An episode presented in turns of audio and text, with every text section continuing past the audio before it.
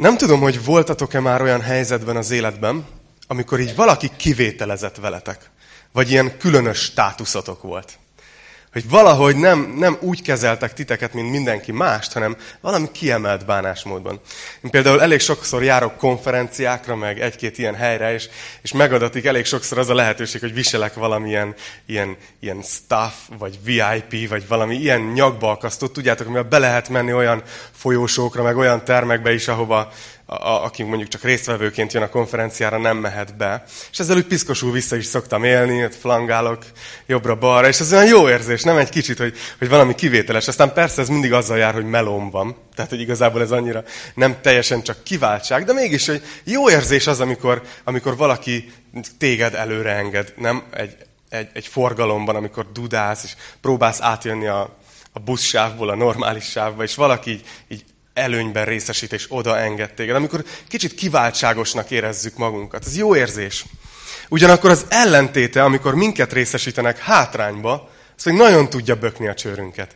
Most voltam, ha érdekel, hogy miért ilyen a hangom nekem is, voltam orvosnál pénteken, szóval most már az antibiotikum dolgozik, de egy, egy idős bácsi volt ott, és nem olyan régen bevezették itt Kistarcsán azt, hogy online be lehet jelentkezni, aminek az az előnye, hogy csak fél órát kell várnod az időpontodhoz képest.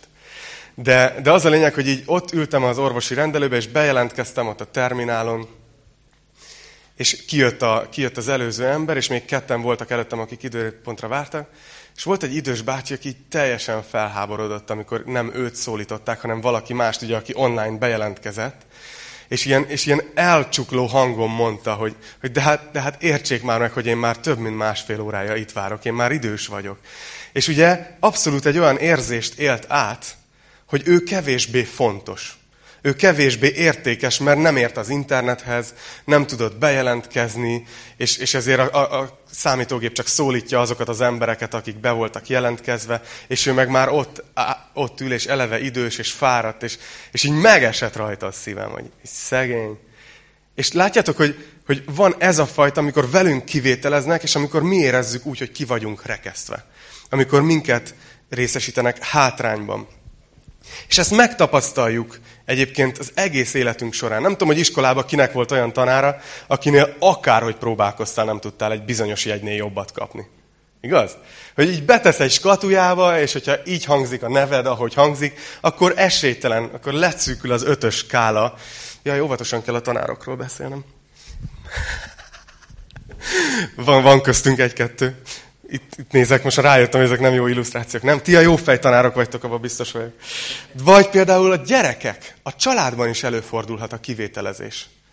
Nem tudom, hogy belegondoltatok-e például, hogy a hamupipőke mese azt ezt dolgozza fel végső soron. Amikor van egy gyerek a családban, akivel ugye hátrányosan kivételeznek és hogy milyen, milyen nehéz a sorsa. És persze a mesében az a megoldás, hogy a végén ő lesz a királynő. Tehát, hogy tudjátok, valahogy fel kell oldani ezt a feszültséget, de a valós életben viszont kutatások vannak arra, hogy ez a kivételezés, ez egy gyerekben egy életen át tartó kárt tud okozni. És egyébként a szülőben is. Erről szólnak a, a kutatások. És azért zavar minket ez, mert mi emberek folyamatosan mérjük azt, hogy mennyire vagyunk értékesek. Mi az értékünk? Mennyire hiányoznánk, ha eltűnnénk? Vagyok-e olyan fontos, mint aki mellettem ül? Vagy fontosabb vagyok? Vagy, vagy senkinek se hiányoznék, ha csak úgy eltűnnék? Egész életünkben mérjük azt magunkba így fejbe, hogy mennyire vagyok értékes. És ezért nagyon, nagyon fontos az, ami a mai tanításnak a témája. Ez a tanítás címe, hogy Istennek nincsenek kedvencei. Istennek nincsenek kedvencei. Minden ember az ő szemében egyformán értékes, ezt fogjuk látni. Így ebben a részben, amit meg fogunk nézni, hogyha van állatok Biblia, odalapozhattok az Abcsel 10-hez. Úgy látom, hogy nagyon-nagyon sok problémát okozhat az az életünkben, hogyha ez nincs a helyén. És elmehetünk bármelyik végletbe. Van az a véglet, amikor te úgy érzed, hogy te Isten kedvence vagy, Isten kegyeltje, a kis, kis cuki fiacskája és lánykája. Ami egyébként igaz, de amikor ezt másokkal szemben érzed, hogy te biztos azért vagy áldottabb, mert Isten téged jobban szeret. Azért megy neked jól egy bizonyos terület, mert jobban szeret. És elkezdesz másokat lesajnálni és lenézni. Ez egy nagyon nagy veszély. Vagy éppen a másik végletbe esel bele, hogy úgy érzed, hogy te vagy Istennek a mostoha gyereke. Hogy mindenki másnak, mindenki másnak ott az áldás, megy az élete, van megoldás a problémáira, de te, mintha valahogy mindig ott lennél hagyva a gödörbe. És akkor elkezded így ostorozni magad, és egész életedben próbálod bizonyítani, hogy te értékes vagy. Mert ahogy hiszed, hogy Isten hogy lát téged, úgy fogod élni az életedet. Ez egy örök igazság. Amit elfogadsz magadról, hogy Isten hogy lát téged, az nagyon meg fogja határozni, hogy hogy viszonyulsz magadhoz, hogy viszonyulsz a gyerekeidhez, a barátaidhoz, a kollégáidhoz, az előtted utazó autóshoz, mindenkihez. Szóval az a lényeg, hogy erről fogunk nézni egy történetet, de most jön az a rész, amikor azt szoktam mondani, hogy az előző részek tartalmából. Az abcselt tanulmányozzuk fejezetről fejezetre végig, és a, a kilencedik részben láttuk Saul megtérését. Ugye, az, aki az egyháznak a legnagyobb üldözője volt, végre megtért. Az, akire azt gondolták, hogy ő az a kutya, akiből soha nem lesz szalonna. Isten drága gyermeke lett. De láttuk, hogy nagyon sok bajt okozott az, hogy ő elkezdett aktívkodni, úgyhogy inkább hazaküldték egy kicsit Tarzusba. Menjél haza, és ő pihenőpályán volt. És utána azt láttuk, hogy békeidő jött az egyházban. És ugye láttuk ezt a három dolgot, hogy mit csináltak, amikor béke volt hogy épültek, tehát adtak lehetőséget Istennek, hogy felépítse őket a hitben, az Úr félelmében jártak, és a lélek segítségével gyarapodtak. Ez volt ez a három dolog, amit láttunk. És azt láttuk, hogy visszafókuszált Lukács, aki írja az abcselt, Péter apostolra. Tehát most Saul egy kicsit box utcában, és Péterre zoomolt át a kamera, és őt figyeltük, hogy mit csinált, hogy mit jelentett az ő életében az, hogy, hogy Isten félelmébe járt. Emlékeztek, hogy, hogy ment, és látott egy beteg embert, akit úgy hívták, hogy Énász, és látta, hogy Jézus meggyógyítja. Úgyhogy kimondta, hogy Énász, meggyógyít téged Jézus Krisztus. És aztán ment, és ott volt egy halott asszony, Tábita, és Péter leborult, és megkérdezte Jézus, hogy mit csinálsz. És utána azt mondta, hogy Tábita, kelj fel. És a halott feltámadt. Óriási dolgok történtek, hogy Péter Isten félelmében járt. És ugye ott vesztettük el Péter, vagy hagytuk ott a fonalat Péterrel kapcsolatban, hogy Jobbéban volt, ahol ez a feltámasztás történt, és egy Simon nevű Tímár házában szállt meg. És azt láttuk így az előző órán, hogy, hogy látott egy látomást. Emlékeztek erre a jelenetre, hogy délben felmegy imádkozni a ház tetejére.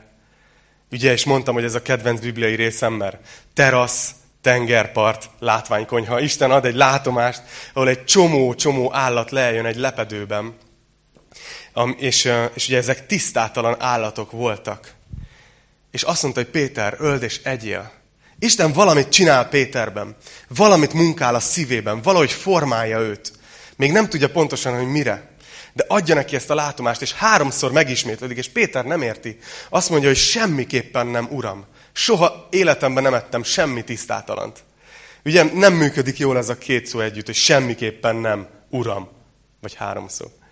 Nem működik jól, mert, mert azt látjuk, hogy Péter nemet mond Istennek.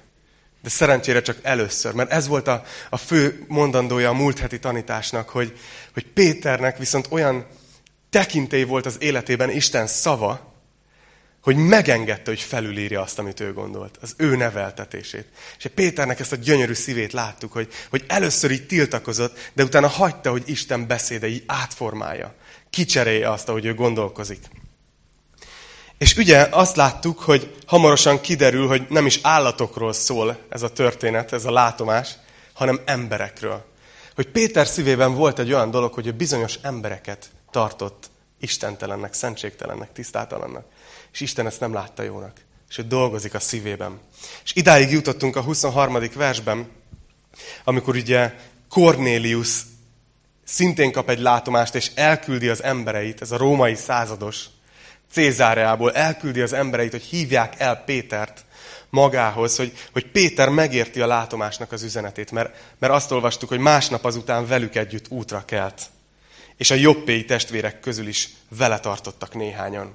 És ugye említettem a múltkor, hogy ez a két városnak a távolsága, Cézárea és Jobbé, ez ilyen 62 kilométer, tehát gyalog, Google Maps szerint 13 óra. Tehát ez egy kétnapos út volt, két nap alatt tették meg gyalog. És látjuk, hogy Péterben is Isten elvégezte ezt a munkát, hogy ő elment ezekkel a pogány katonákkal, akik hívták, hogy gyere, mert Cornélius kapott egy látomást Istentől, és azt mondta, hogy téged hívjon el. Úgyhogy itt, itt vagyunk, és képzeljétek most oda magatokat, jó? Most kiugrunk kis tartsáról, és visszaugrunk itt Cézáre a jobbé távolságra, és így sétálnak Cézáre a felé, és így közelítenek, és már eltelt egy nap, megszálltak valahol, és másnap meg fognak érkezni Cézárjában, és nézzük meg, hogy mi fogadja ott őket. Abcsel 10.24-től folytatjuk ma. Azt mondja, a következő napon megérkeztek Cézáreába. Cornélius pedig összegyűjtötte a rokonait és legjobb barátait, és úgy várta őket. És itt meg is állok. Mennyire, mennyire jó ez a jelenet, nem? Hogy megérkeznek, és azt látják, hogy egy csomó ember van ott a háznál, mert Cornélius ezt a három napot, ezt, e, ezt azzal töltötte, hogy elhívta a barátait. Mert ha belegondoltok, hogy mondjuk hétfőn jelent meg az angyal, akkor ugye azonnal Cornélius elküldte az embereit, de másnap értek oda Jobbéba, tehát akkor az kedd, és Péter másnap indult el velük vissza, tehát akkor az mondjuk szerda, és másnap érkeztek meg, tehát csütörtök. Tehát itt hétfőtől csütörtökig Cornélius vár. De nem csak így ül a, ül a fenekén, hanem hogy így megy körbe, és gondolom kiposztolja a Facebookra, csinál egy eventet, Péter Cornélius házában, tudod, érdekel, megyek, nem tudom.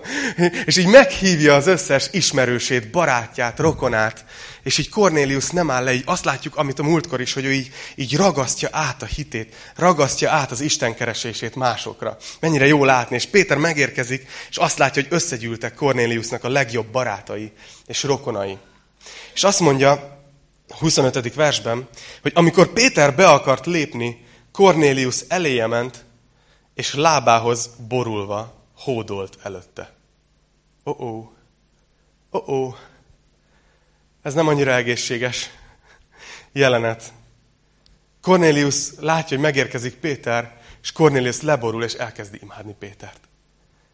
Látjátok, az történik, ami, ami egyébként megtörténhet ma is, hogy Cornélius összekeveri Isten szolgáját Istennel. Hogy valahogy azt gondolja, hogy Péter az, aki, aki itt a megoldást hozza. Mert hát azt mondta az angyal, hogy őt kell elhívni. Tehát akkor biztos ő a nagy valaki akkor őt kell nagyon-nagyon tisztelni, és leborul előtte, és imádja. És ez, ez azt látom, hogy nagyon fontos látni, hogy Cornélius egy Isten félő ember volt. De ő még nem volt egy újjászületett hívő ember. Ő még nem volt megtérve, csak kereste Istent. Nagyon kereste. És ez megtörténhet egyébként ma is, hogy valaki, aki éretlen még a hitben, mert még, és ez nem baj, ezt nem lenéző kifejezésként mondom, hanem egyszerűen még az elején tart, még éretlen, megtörténhet az, hogy összekeverjük Isten szolgáját Istennel. Nem tudom, hogy észrevettétek, hogy van, van néha ilyen, hogy, hogy beszéltek hívők között, vagy így valakivel, és tudod, hát igen, a, a, a, ez a pásztor, ez, ez nem annyira jó, de az a másik, az, puf, az, az tudod, hogy tanít, az tudod, milyen jól lelki gondoz, tudod, és, és ez a gyülekezet, de az a gyülekezet, na az, az tuti. És gyakorlatilag ugyanazt csináljuk éretlenségünkben, hogy összekeverjük Isten eszközeit Istennel. Mert ezek mind csak szolgák. És ez volt a korai gyülekezetben amúgy, korintusi gyülekezetben például volt ez, hogy két tábor volt. És az egyik tábor azt mondta, hogy én hozzám Isten Pálon keresztül szól. Én, én úgy érzem, hogy nekem Pál a pásztorom. Én nekem Pál a valaki, tudod? És a másik azt mondta, hogy hát igen, de ő mindig utazik. Apollós legalább itt van, ő törődik velünk, ő, ő foglalkozik velünk, nekem Apollós a pásztorom. Tudod, és így, és így két részre szakadt a gyűlés, és Pálnak írnia kell erről egy levélbe, és ezt írja az 1 Korintus 3.5-ben, hogy ki az az Apollós, és ki az a Pál. Szolgák csupán, akik által hívőkké lettetek. Mégpedig kiki úgy szolgál, ahogy megadta neki az Úr. Azt mondja Pál, hogy figyeljetek, ha az én, szol, én szolgálatomban bármi jó van, az nem azért van, mert én akkora jó csávó vagyok. Annyira szent vagyok, vagy mély. Hanem mert Isten megadta, hogy így szolgáljak, ahogy szolgálok. A másiknak máshogy adta meg, hogy szolgáljon. És nagyon látjuk ezt, hogy Pál elhárította ezt, a, ezt, a, ezt az ilyen kultuszt. És Péter ugyanezt csinálja itt, amikor Cornélius így leborul és, és hódol előtte. Azt mondja, Péter azonban felemelte, és így szólt hozzá, állj fel, hiszen én magam is csak ember vagyok. És ez egy nagyon-nagyon fontos mondat. Péter pontosan tudta, hogy ezt a fajta dolgot nem megítélte Cornéliusban, nem azt mondta, hogy na, te kis bébi keresztény. Ó, te még nem vagy hívő. Hát persze, összekevertél. Hanem, hanem ilyen tök baráti vele, de helyre teszi, és figyelj, ne gondolj engem többnek, mint magadat. Én is ember vagyok. Nem vagyok jobb nálad. És, azt mondja, hogy amikor beszélgetve bement vele, sok ember talált ott összegyűlve. Micsoda látvány, nem? Egy Cornélius belép Péterrel együtt a házba, és Péter azt látja, hogy sok ember gyűlt össze. Tele van ez a ház olyan emberekkel, akik nem zsidók voltak, hanem a zsidó kifejezés szerint pogányok. Ugye nem Isten kiválasztott népéhez tartoztak, hogy gondolkoztak magukról, hanem ezek pogány emberek, és tele van a ház. Telt ház van. Egy római százados házában. És azt mondja a 28. versben, Péter értette ahhoz, hogy hogy kell elkezdeni kapcsolatot építeni a közönséggel. Azt mondja, így szólt hozzájuk, tudjátok, hogy tiltott dolog zsidó embernek idegennel kapcsolatba kerülni, vagy hozzá bemenni. Nekem azonban Isten megmutatta, hogy egyetlen embert sem mondjak szentségtelennek, vagy tisztátalannak. Ezért is jöttem vonakodás nélkül, amikor értem küldtetek. Most pedig hadd kérdezzem meg, miért küldtetek értem? Elképzelitek ezt a jelenetet, hogy így ott van a ház, tele van emberekkel, és bejönnek, és, és így Péter látszik, hogy elkezd beszélni, és várják, hogy na mit fog mondani, és elkezdi, hogy tudjátok, hogy tiltott dolog egy zsidónak egy pogány házába bemenni, idegen házába bemenni. De azt nagyon fontos megérteni, hogy ott akkor ezt mindenki értette, hogy ez miért van. Mert ott a rómaiak is, akik ott éltek, és a zsidók is teljesen tisztában voltak, hogy a két csoport között egy ilyen átjárhatatlan szakadék volt. Ez a mindennapokban megjelent. És ezért nagyon furcsa volt ez, ami történik, hogy Péter bejön, mert a zsidók teljesen elhatárolódtak a pogányoktól, sőt, lenézték a pogányokat. Lenézték a pogányokat. Miért? Mert Isten kedvenceinek tartották magukat. De hogy kezdődött ez az egész? Hogy, miért volt ez egyáltalán, hogy egy zsidó ember nem ment be egy pogány ember házába? Csak kis történeti visszatekintés. Az egész azzal kezdődött, hogy Istennek nem volt rendben az, hogy így ez emberekkel nincs kapcsolata. Isten nagyon bánta az, hogy az ember elszakadt tőle. És ezért volt egy terve. Az, hogy elhozza a megváltót. És kiválasztott egyetlen egy embert, Ábrahámot. És azt mondta, hogy rajtad keresztül akarom megáldani a föld minden népét. Azt mondja, megáldalak, hogy áldás legyél. És Ábrahámot kiválasztotta arra, hogy felneveljen egy népet az ő utódaiból, és rajtuk keresztül hozza el a megváltót. És adott nekik egy törvényt ennek a, ennek a kiválasztott népnek, akiről egyébként azt mondta, hogy nehogy azt higgyétek, hogy azért választottalak ki titeket, mert jobbak vagytok, mint a többi nép, hanem éppen azért, mert ti voltatok a leggyengébbek. Isten onnan szeret nyerni, a leggyengébbtől. És kiválaszt egy olyan embert, akinek nincs is gyereke, és 90 akárhány éves koráig nem is lesz. Hogy ez egész egyértelmű legyen, ezt Isten csinálja rajtuk keresztül. Adott nekik egy törvényt, aminek részben az volt a célja, hogy, hogy megőrizze őket, hogy meg tudjanak erősödni, mint egy nép. Most az ókorban ez, er, er, erre, erre jönnek rá a kutatók, nagyon, nagyon sok más nép, aki azon a környéken lakott, borzasztóan ilyen betegségekkel teli népcsoportok voltak. Nagyon sokan olyan vallási gyakorlatokat ö, tartottak, és olyan vallásaik voltak, ilyen törzsi vallások, meg egyebek, aminek nagyon-nagyon szerves részei voltak az ilyen, az ilyen tömeges, ilyen szexuális orgiák, és, és az nemi úton terjedő betegségek így szedték szét ezeket a népeket, és így tizedelték. És, és egy csomó egészségtelen dolgot is csináltak. És amikor Isten úgy döntött, hogy ebben a közegben föl akar nevelni egy népet, hogy rajtuk keresztül elhozza a megváltót, akkor adott nekik egy törvényt, Azért, hogy megvédje őket, és ezért tiltotta meg például, hogy más népekkel összeházasodjanak, és hogy részt vegyenek a démoni vallási gyakorlataikban, hogy, hogy legyen egy nép, aki erős. És az volt a cél, hogy legyen egy nép, aki ismeri az Istent. És akin keresztül a többi néphez is eljuthat ez a tudás, hogy hogy lehet megismerni az Istent. Hogy hogy élhet az ember Istennel kapcsolatban. Ez volt az egész terv. Csak hát Izrael népe kicsit túltolta a biciklit, ahogy magyarul szoktuk mondani.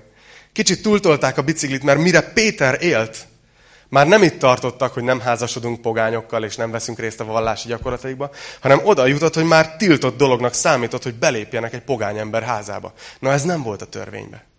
Ez nem volt a törvénybe, hanem az történt, hogy kialakult egy olyan szív bennük, ettől, hogy Isten egy ilyen dologra választotta ki őket, hogy elkezdték lenézni a pogányokat, többi népet. Elkezdték azt gondolni, hogy mi különlegesek vagyunk. Mi jobbak vagyunk, mint a többi nép. És ezért ezt mondja egy kommentátor, hogy akkoriban a zsidó férfiak minden reggel ezt az imát imádkozták. Hogy hálát adok, Uram, hogy nem születtem rabszolgának, pogánynak vagy nőnek. És a gyülekezet fele fölállt és kiment. Tehát mondom, a zsidók imádkozták ezt, akkoriban a zsidó férfiak, jó? Látjátok, hogy ide tud eljuttatni egy embert, amikor elkezdi azt gondolni, hogy én több vagyok, mint a másik. Istenem, hálás vagyok, hogy nem vagyok nő. Hálás vagyok, hogy nem vagyok pogány. És hálás vagyok, hogy nem vagyok rabszolga. Milyen jó felsorolás, nem? Gusztustalan. Ez volt, ahova eljutottak, ahogy túltolták a biciklit. És ezért számított akkora óriási jelentőségi dolognak, hogy itt van egy zsidó férfi, Péter, egy római százados, egy pogány századosnak a házában.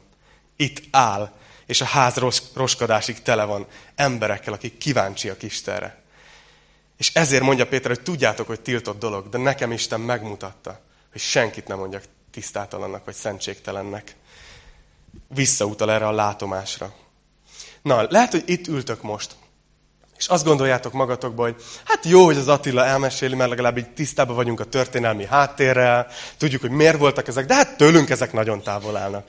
Mi soha nem gondolnánk másokról, hogy ők, ők nem olyan értékesek, vagy nem olyan jó emberek. Nem tudom.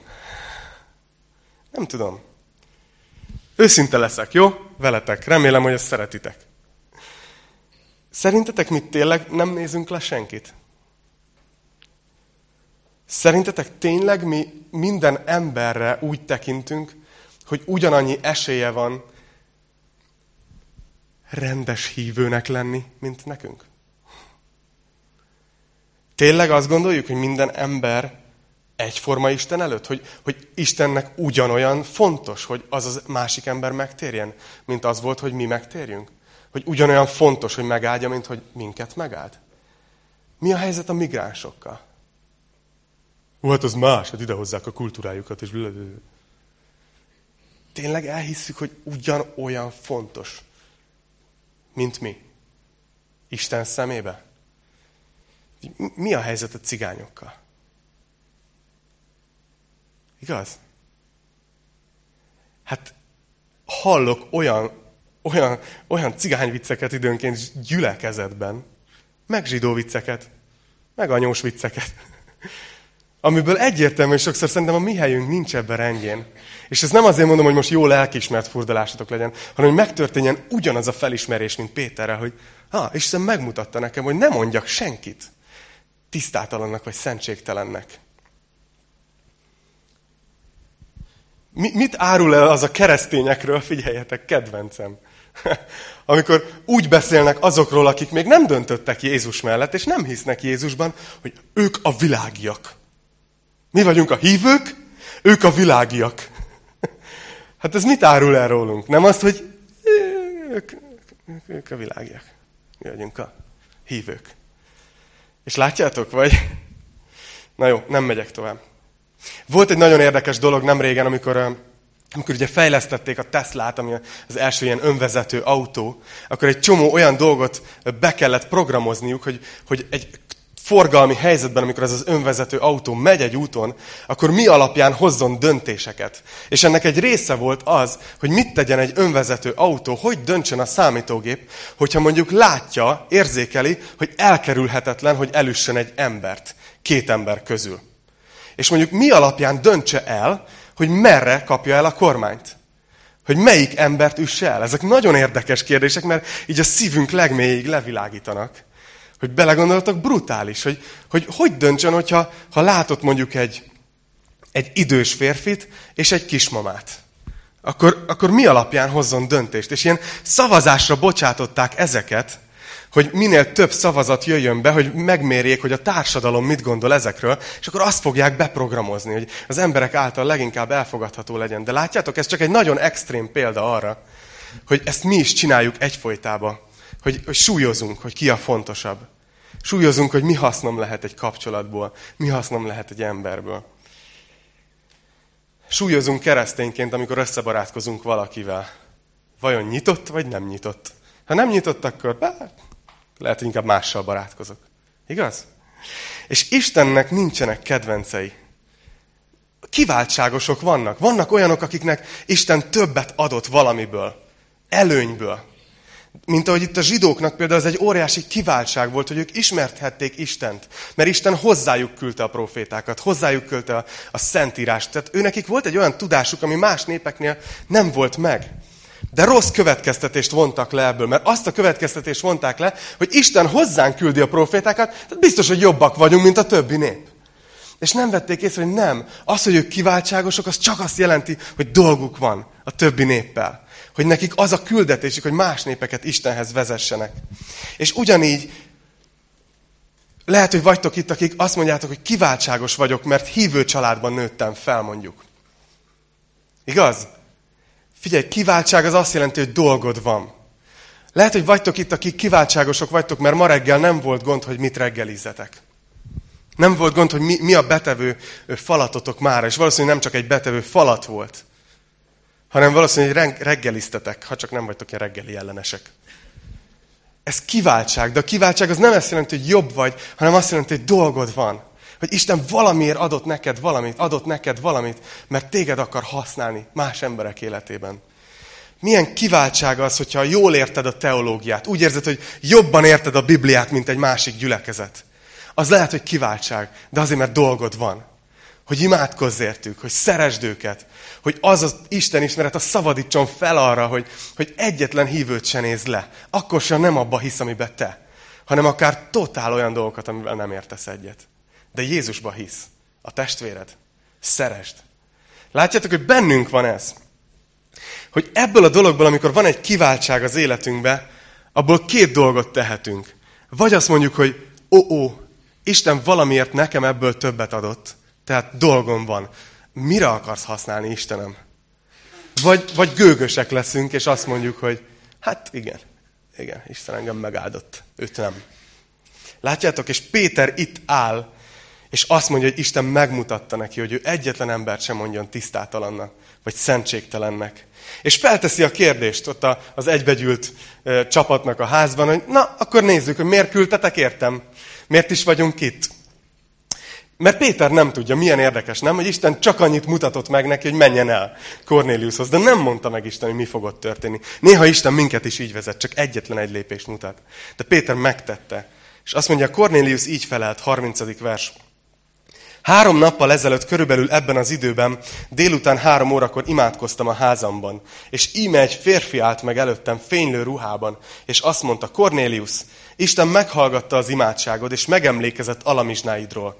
Küldj el tehát Jobbéba, és hivasd át Simont, akit Péternek is neveznek. Ő Simon Timár házában szállt meg a tengerparton. Ezért nyomban elküldtem hozzád, és te jól tetted, hogy eljöttél. Most tehát mind itt vagyunk Isten színe előtt, hogy meghallgassuk mindazt, amit az Úr rád bízott. Itt van Péter, és Cornélius fölemlíti ezt a látomást, hogy miért hívta előtt, és azt mondja, hogy köszi, hogy eljöttél, jól tetted, hogy eljöttél, és na kimondja Cornéliusnak, Cornélius ezt a legjobb mondatot, ami annyira tetszik ebben a részben. Azt mondja, most tehát mind itt vagyunk Isten színe előtt, hogy meghallgassuk mindazt, amit rád bízott az Úr. Ugyanazt a szívet látjuk ezekben a pogány emberekben, mint ami Péternél volt.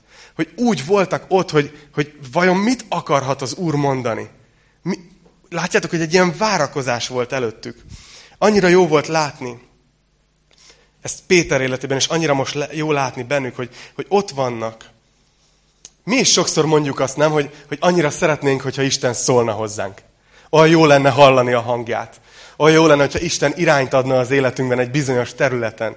És az, arra jövök rá, minél több ideje vagyok így keresztény, hogy, hogy ahhoz, hogy Isten hangját halld, és a vezetését értsd, az első és legfontosabb dolog, hogy várakozással legyél. Hogy, hogy, hogy, hogy úgy legyél, mint itt, hogy itt vagyunk az Isten színe előtt, hogy meghallgassuk mindazt, amit az Úr rád bízott.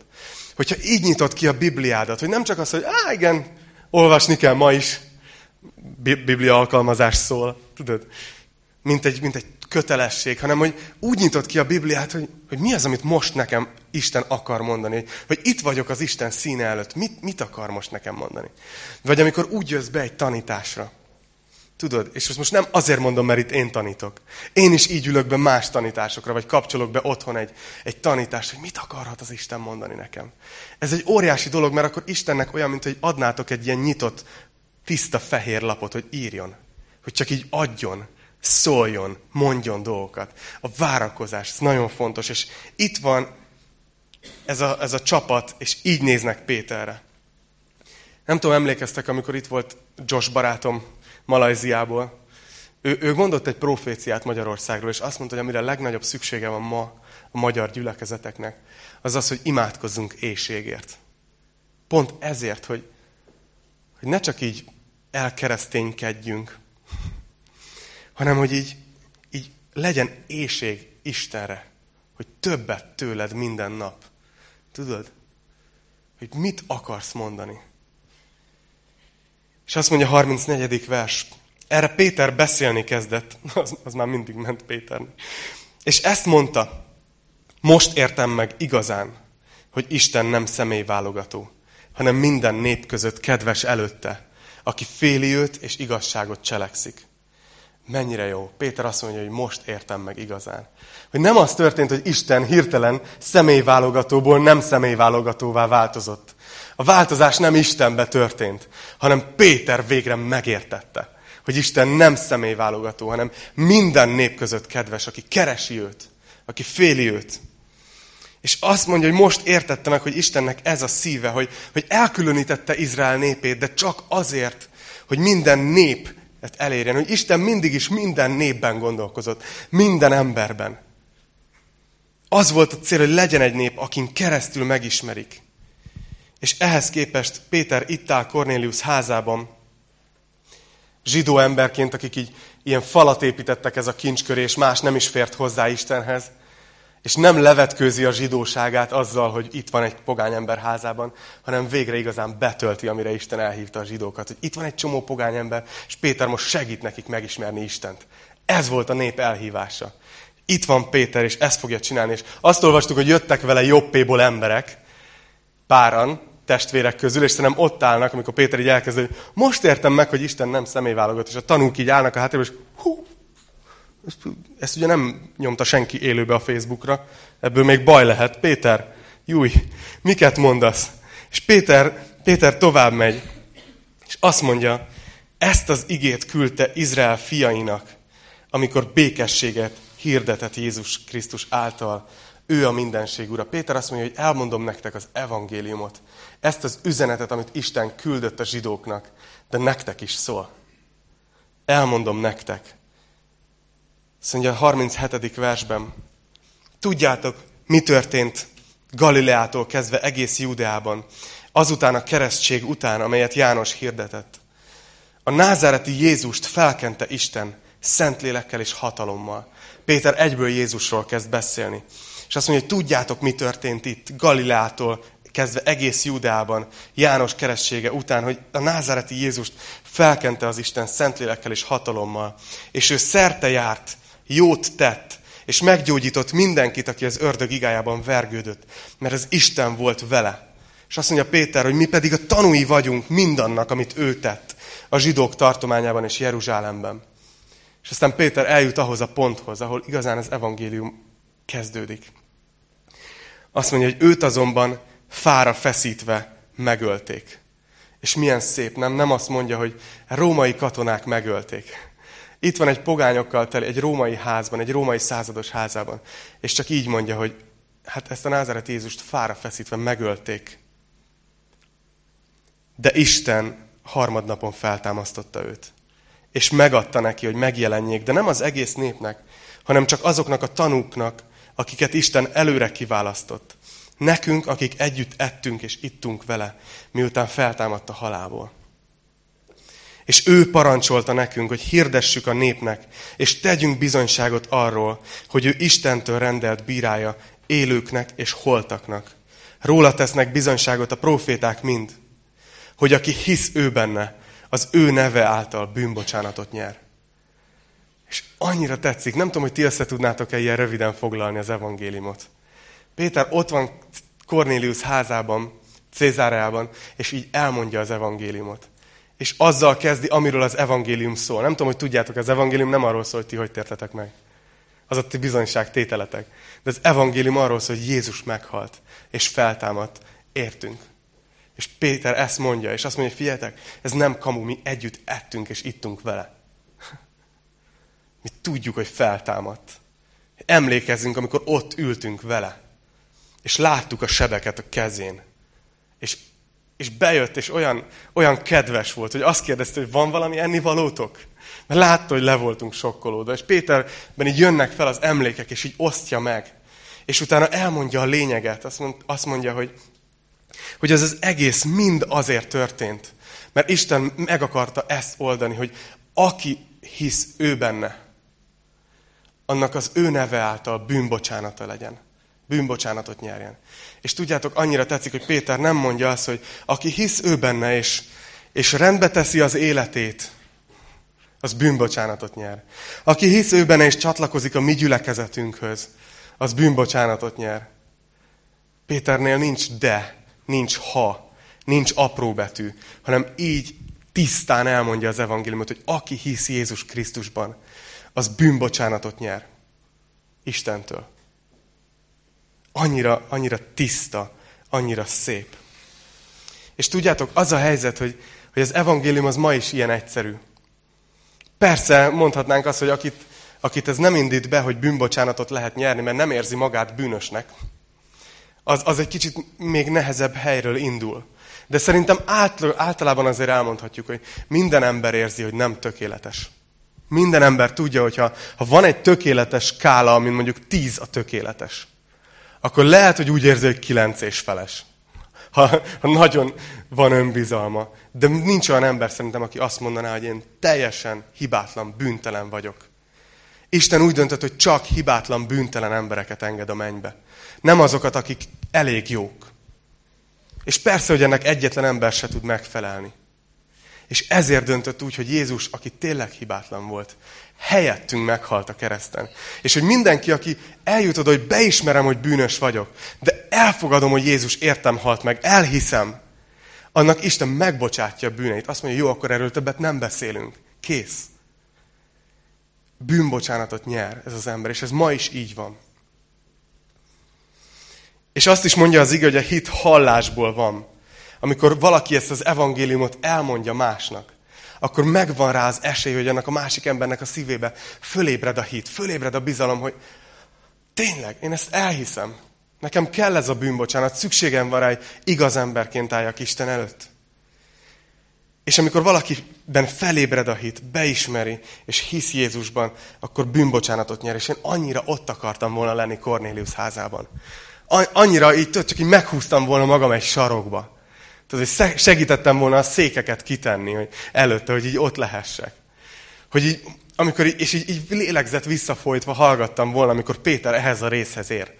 Hogy tudod, így elmondja, Jézusra tereli a szót, és elmondja, hogy aki hisz benne, az az ő neve által bűnbocsánatot nyer. És ott a kérdés, hogy mi, mi lesz a reakció? Vajon mi történik most ezeknek a, az embereknek a szívébe, akik hallgatják őt? Vajon felébred-e a hit, ami hallásból van? Vagy csak azt mondják, hogy ez megint egy zsidó mese. Hogy mi történik a szívükben. Ez a legjobb pillanat. Én annyira szeretem nézni az ilyen evangelizációkat. És ugye Billy Grahamnek most volt tegnap előtt a temetése is. És ő nagyon sok ember előtt hirdette az evangéliumot, és szerettem megnézni ezeket időnként. És mindig azt a pillanatot vártam, amikor elhangzott ez, az evangélium, és azt mondta, hogy akinek ez kell, az most jöjjön ide a színpad elé. És hogy, és hogy tudod, így van egy pár másodperc csönd. És így várod, hogy tudod, mikor látod meg az első embert, aki föláll, és azt mondja, hogy én. Én vagyok az, aki akarok megtérni. És ezt olvassuk itt. 44. vers. Míg ezeket a szavakat mondta Péter, leszállt a Szentlélek mindazokra, akik hallgatták az igét. És elámultak a zsidók közül való hívők, akik Péterrel együtt jöttek, hogy a pogányokra is kitöltetett a Szentlélek ajándéka. Hallották ugyanis, amin nyelveken szóltak, és magasztalták az Istent. Látjátok, az történt, hogy ez a gyülekezet, ami ott volt, ez az összegyűlt társaság, hallotta az evangéliumot, a hit felébredt a szívükbe. Azt mondták a szívükben, hogy igen, mi elhisszük ezt, hogy Jézus az Isten fia, hogy Jézus meghalt a mi bűneinkért. És tudjuk, hogy amikor ez megtörténik, akkor egy Szentlélek, a Szentlélek beleköltözik az emberbe. De itt Isten még tovább megy, és még ki is önti rájuk a Szentléleket, mint egy pecsétet, így, így rájuk nyomja, Péternek is jelül, hogy Péter, megérte engedelmeskedned, megérte hitbe kilépned, nézd meg, mit csináltam. És látja, hogy egy pogányokkal teli terem elkezd nyelveken szólni, és magasztalják az Istent, hogy dicsőség az Istennek, milyen jó ez az Isten. És így imádják Jézust. És a, és a zsidók közül jött hívők meg így, hú, hú, hú, ez aztán végképp durva, hogy Isten megadta a pogányoknak. Ugyanúgy betöltötte őket a szent lelkével, mint minket. És utána jön a teljesen természetes következő lépés. Akkor megszólalt Péter, vajon megtagadhatja-e a vizet valaki ezektől, hogy megkeresztelkedjenek, mint akik ugyanúgy vették a szent lelket, mint mi. És úgy rendelkezett, hogy keresztelkedjenek meg Jézus Krisztus nevében. Ez a teljesen természetes következő lépés, amit látunk az egész abcselben, hogy ez történt az, az első keresztények körében. Hogy abban a pillanatban, amikor valaki megtért, úgy döntött, hogy igen, én tudom, hogy bűnös vagyok, de elhiszem, hogy Jézus értem halt meg. És átadta az életét Istennek. A leges-legelső következő lépés az volt, hogy bemerítkezett. Mert akart bizonyságot tenni arról, hogy ez egy végleges döntés, ez egy valódi döntés. És nagyon bátorítalak titeket arra, szeretnénk mi is hamarosan bemerítkezést tartani. Hogy főleg, ha vagytok itt, és most itt senkire nem gondolok konkrétan, de ha vagytok úgy itt, hogy ti már döntöttetek Jézus Krisztus mellett, hisztek benne, a bűnötök meg van bocsátva, mert az ő vére elmosta, akkor tegyetek erről bizonyságot azzal, hogy bemerítkeztek. Ahogy itt Péter azt mondta, hogy úgy rendelkezett, hogy keresztelkedjenek meg a Jézus Krisztus nevében. Lépjétek ezt meg. Ez egy engedelmesség Jézus parancsának. Ez nem, nem a keresztség fog üdvözíteni. A keresztség nem arra való. De mennyire méltó arra Jézus nem, hogyha ez volt a kérése.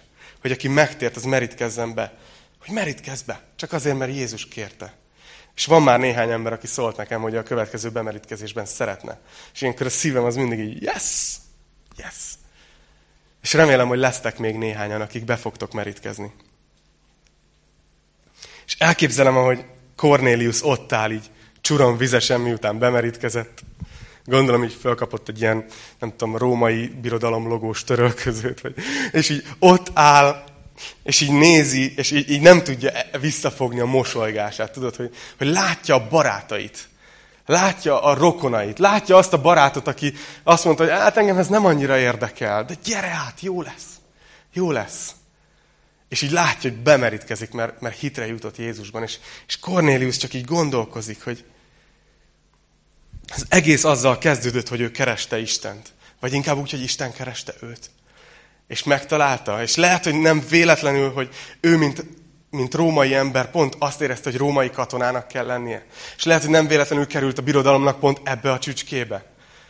És itt van, és itt látja a családját és a barátait bemerítkezni, megtérni. És elképzelem, hogy ott áll Péter, és így nem hisz a szemének, hogy az első gyümölcse a pogányok között az evangéliumnak egy római százados. Egy római százados, ugyanaz a fajta, akik Jézust keresztre feszítették. És lehet, hogy Péternek eszébe jut, hogy Jézus, amikor az első csodáját tette egy pogány embernek, az szintén egy római százados volt. És hogy akkor Jézus profétált, és azt mondta, amikor látta a százados hitét, aki azt mondta, hogy nem kell, hogy elgyere és, és megérinsd a szolgámat, csak mondd azt, hogy gyógyuljon meg, és tudom, hogy milyen hatalom van benned. És amikor Jézus látta annak a századosnak a hitét, akkor azt mondta, hogy de mondom nektek, hogy sokan eljönnek napkeletről és napnyugatról, és asztalhoz telepednek Ábrahámmal, Izsákkal és Jákobbal a mennyek országában. Péter talán most kezdi igazán sejteni, hogy ez, ami most itt történt, hogy pogány emberek hisznek Jézusban, ez csak a kezdet. És mennyire csak a kezdet volt, nem? Mi itt valószínűleg legtöbben, akik ebben a, a teremben ülünk, nem csekkoltam senkinek így a származását. De alapvetően mi egy pogány területen élünk. Mi voltunk azok a népek, akik, akik, akiket Isten el akart érni, és ezért nevelt föl egy népet. Ezért nevelte fel a zsidó nemzetet, hogy rajtuk keresztül eljöjjön a megváltó, aki aztán a mi megváltunk, és a mi barátunk, és mi szeretjük őt. És így Cornélius ott volt, és csak ennyit csinált, hogy így áthívta a barátait. Csak így akarlak titeket bátorítani, ne becsüljétek alá annak az erejét. Ha valakinek azt mondod, hogy figyelj, eljössz velem vasárnap. Tudod, csak hallgass meg egyszer. Hát, ha felébred a hit. Tudod? Hogy csak gondolkozzatok azon, és őszintén akarom mondani, csak gondolkozzatok azon, hogy, hogy ki az, aki, akit így meghívnátok, mint Cornélius. Gyere velem. Nem azért, hogy tudjátok, hogy jó nagy gyűlink legyen, hanem mert azt hiszem, hogy ugyanazt a szívet akarjuk, amit, amit Isten, hogy, hogy az összes nép minden emberhez jusson el az evangélium. Hogy, hogy legyünk ilyen autópályák. Ne ugyanúgy falat építsünk a hitünk köré, mint a zsidók. A szokásainkkal. Azzal, hogy mi egy összeszokott társaság vagyunk. Tudjátok, bármi egyébbel, a furcsa szavainkkal. Hanem, hogy legyen ez a szívünk, ami, amit itt Isten csinál, hogy mi azért vagyunk itt a világon, hogy egy autópálya legyünk mindenkinek, ami Istenhez vezet.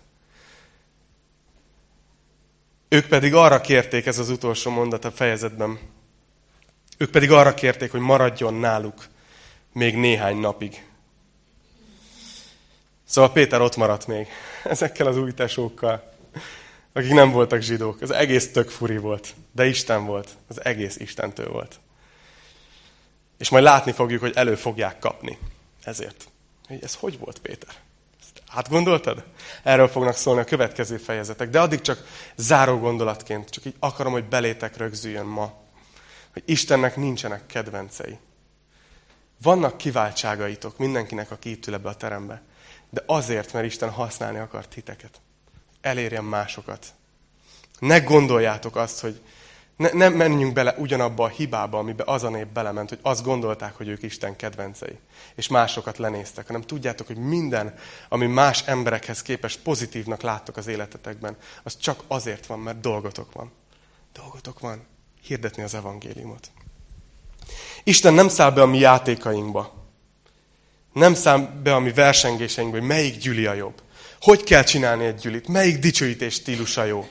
Hogy kell öltözni? Isten szerintem ez annyira nem érdekli. Ő azt szeretné, az ő népe csak egyszerűen menne. Mert azt mondja a Timóteusban a levél, hogy Isten azt akarja, hogy minden ember üdvözüljön. Minden ember eljusson az igazság megismerésére. Úgyhogy ne legyetek büszkék, és ne legyetek mostoha gyerekek sem. Isten nagyon szeret titeket.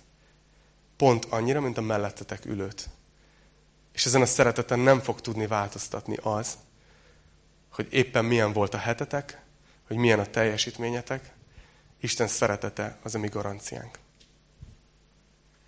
És erről fogunk majd énekelni egy dalt most az úrvacsora után. És csak imádkozom így fölöttetek, hogy a, hogy a Szentlélek így írja bele a szívetekbe, amikor azt mondja a Hozsánna dalban, hogy fájjon, ami neked fáj hogy elvégezzem azt, amire elhívtál. Hogy csak ne, nem keresztényeset játszunk itt, hanem az a vágyam, hogy így tényleg legyen az, hogy érezzük, amit Isten érez. Gondolkozzunk úgy, hogy ő gondolkozik az emberekről. Hogy lássuk minden emberben a kincset. Ámen. Imádkozzunk.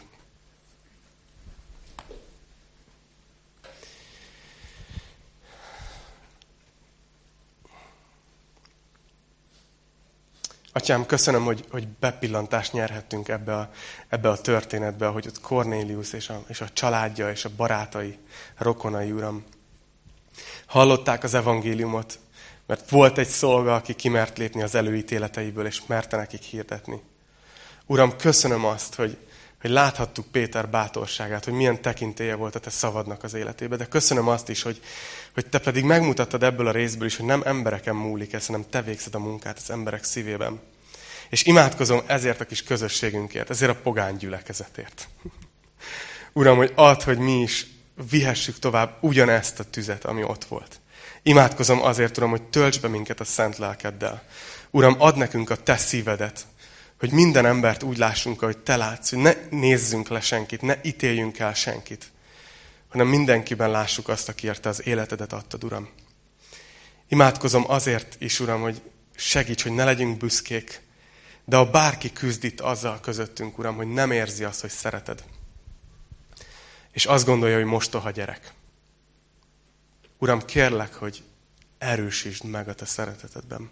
Imádkozom azért, hogy, hogy ne menjen úgy ki ebből a szobából, hogy nem tudja, hogy te szereted. Jézus nevében imádkozunk. Amen. Amen.